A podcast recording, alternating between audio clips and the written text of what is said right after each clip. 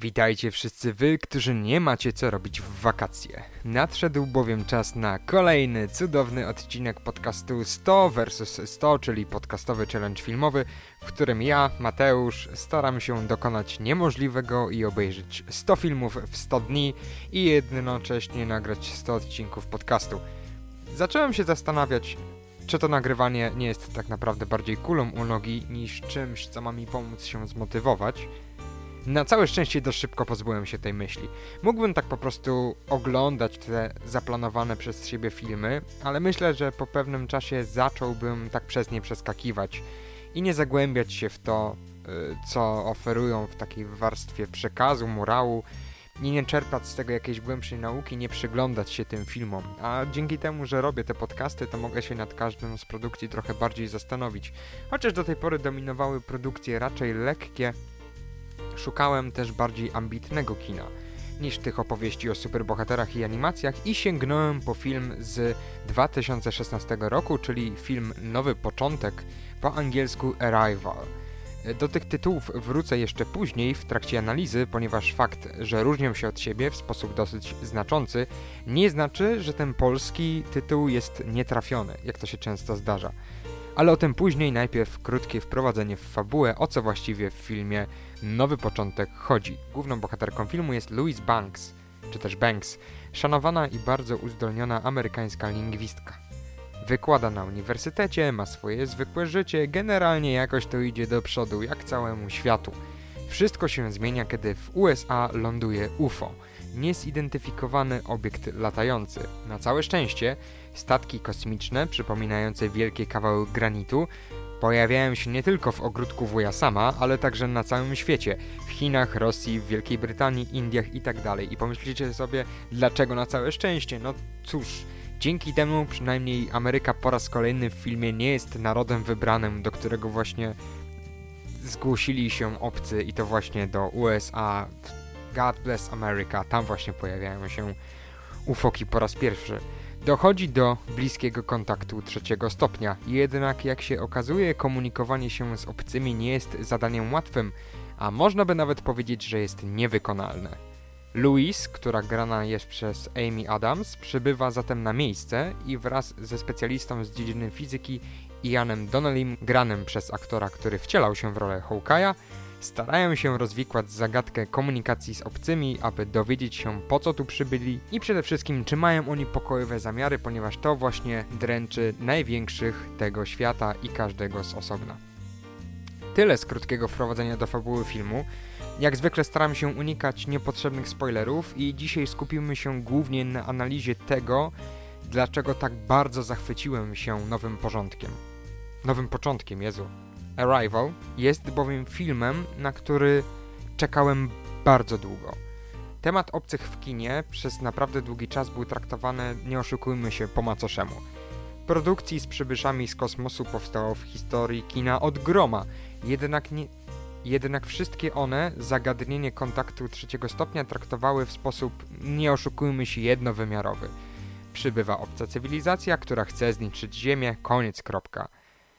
I tak mieliśmy ten nieszczęsny Dzień Niepodległości, który jest najbardziej amerykańskim filmem, jaki możecie sobie wyobrazić.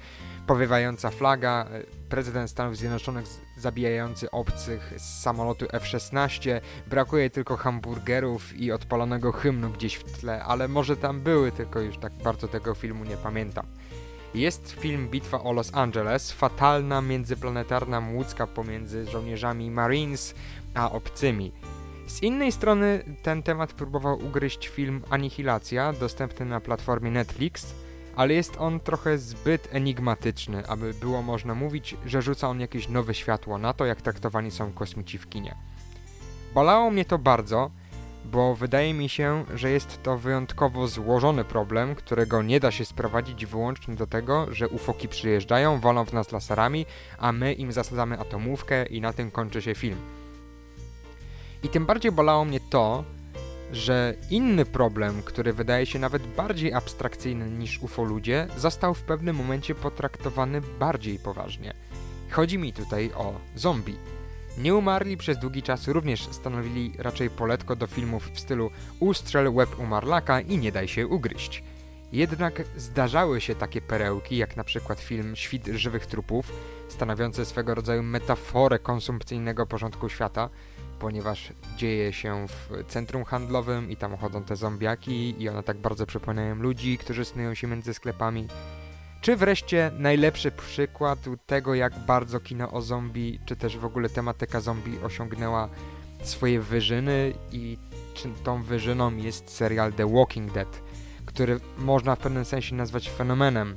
I to właśnie on wyniósł nieumarłych ponad bycie po prostu takim mięsem armatnim. The Walking Dead stał się polem do rozważań nad społeczeństwem w momentach krańcowych. Zadawał pytania, być może błahe i powierzchowne, ale na pewno wychodzące poza schemat filmów o zombie, tak po prostu. I czekałem, aż wreszcie podobna rzecz wydarzy się z tematyką obcych w kinie.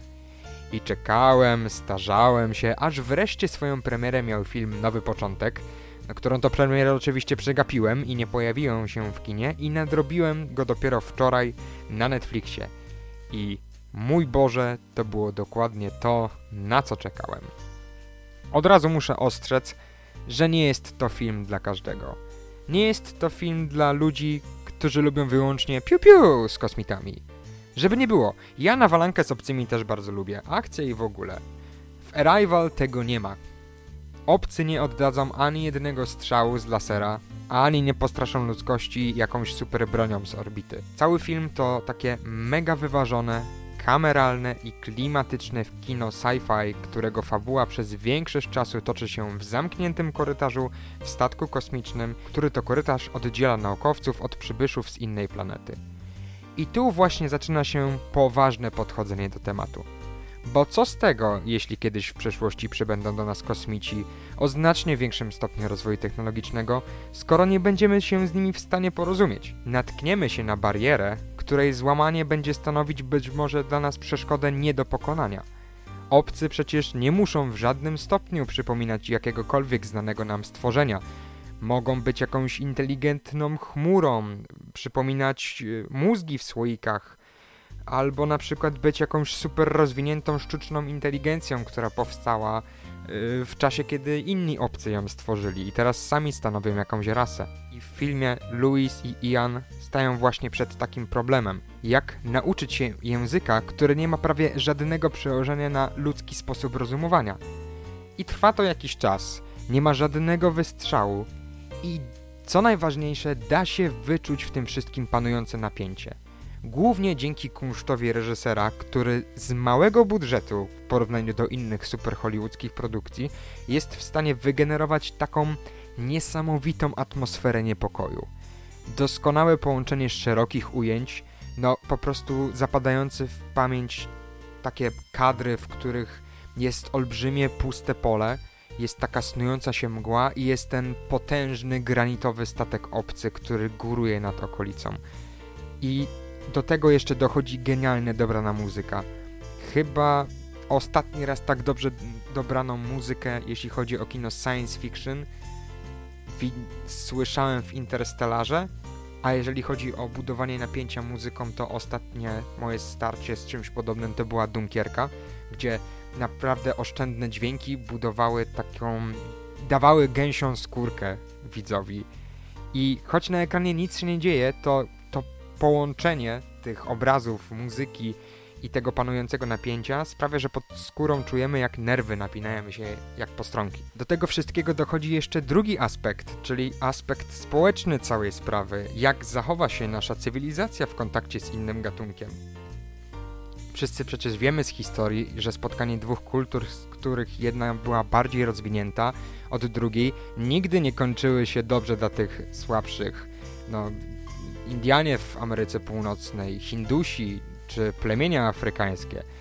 Jest to logiczny sposób rozumowania, ale dla nas, ludzi, być może obcy będą rozumować innymi kategoriami zła i dobra. Cały czas najsilniej działającą ludzką pobudką w momencie spotkania z czymś nieznanym jest strach. Kiedy natykamy się na coś, czego nie rozumiemy, najczęściej chcemy się tego pozbyć, a zwłaszcza w momencie, w którym to coś zaczyna dawać nam jeszcze bardziej niepokojące sygnały i to właśnie dzieje się w tym filmie.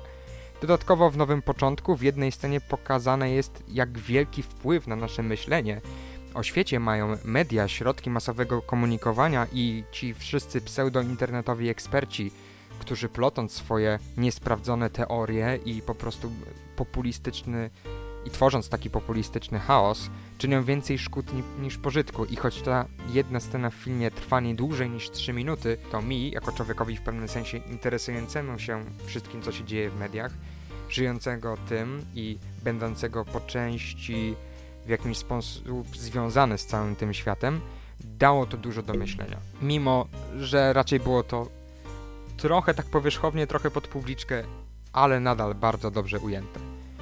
Nowy początek zachwycił mnie dojrzałym ujęciem tematu pierwszego kontaktu, co już mogliście usłyszeć, kiedy się tworzyłem przez ostatnie minuty. Później staje się jednak nieco przewidywalny i, i, i taki, no, taką, taki kliszowy.